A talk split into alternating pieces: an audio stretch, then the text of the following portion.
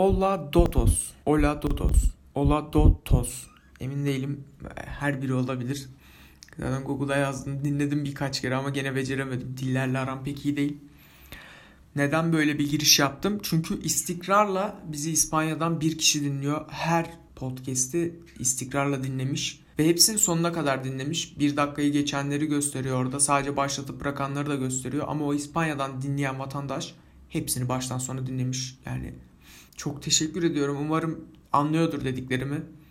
Ee, gerçi İspanya'da benim arkadaşım var mı? Yok herhalde. Bir kişi tanıyorum. Ama onu da dinlediği, dinlemediğini bilmiyorum. Belki de dinliyordur. Ona jest olsun diye böyle bir giriş yapayım dedim. Ama belki Tevfik de VPN açıp hani açık olduğunu unutup girmiş de olabilir. Sürekli öyle de giriyor olabilir. Yani kullandığı VPN İspanya'yı kullanıyor. Tevfik dikkat et. Sadece İspanya kullanma. Rusya da kullanabilirsin. Neyse. Şimdi konuşacağım konu bence çok iyi. Çünkü her gün Twitter'a girmenin insana verdiği bazı zararlar var. Yani şöyle apolitik kalamıyorsun asla. Ve Twitter'a girdiğin zaman asla Twitter'a bir kere bile tıklamadan o günü geçiremezsin. Mecburen hani sabah kalktığımda bir Twitter'daki tweetlere bakıyorum. Ondan sonra yatmadan önce bir bakıyorum. Zaten Clubhouse, Clubhouse her yer siyaset dolu. Yani apolitik kalmak çok zor.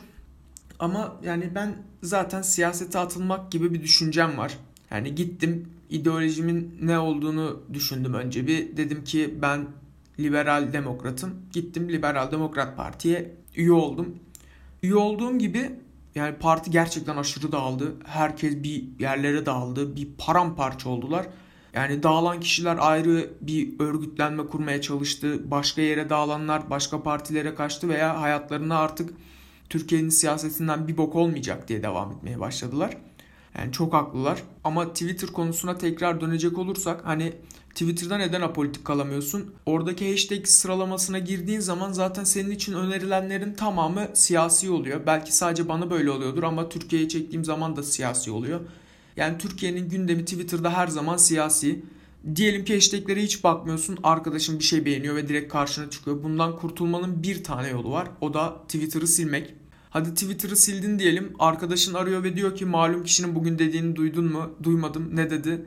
Ondan sonra başka bir arkadaşın arıyor. Diyor ki lan gördün mü şunu? Neyi? Bir, şeyler. Neyse artık. Hani Twitter'ı silebiliyorsun ama arkadaşını silebiliyor musun? Bilmiyorum. Belki silebiliyorsundur. Ama şöyle bir bilgi vereyim. İkisini de silerseniz bir anda anlamadığınız bir şekilde ikisi de yanınızda yüklenmiş bir halde oluyor. Çok küsmediyseniz zaten yakın arkadaşlarınızla fazla küsemiyorsunuz. Bir anda ortaya çıkıveriyorlar. Ne yapmamız gerekiyor sorusuna gelirsek bence yapmamız gereken tek bir şey var. Türkiye'de yaşayan bir insansanız apolitik kalamazsınız. Kalabiliyorsanız çok zengin bir insansınız. Kafanız rahat demektir.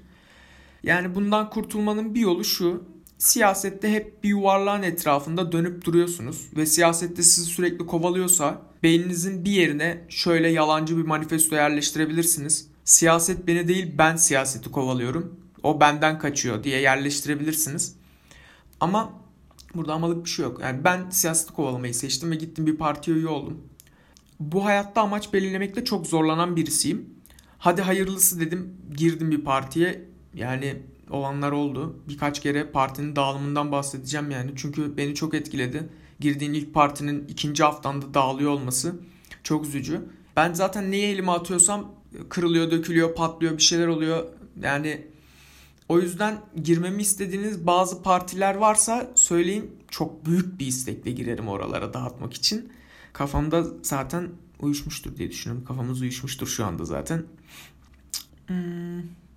Neyse hafif siyasi konuşmamız, hafif de İspanya'dan dinleyen o bir kişi için ee, Ola Dodos deyip kaçıyorum. Sözü de Ahmet Kaya'ya bırakıyorum.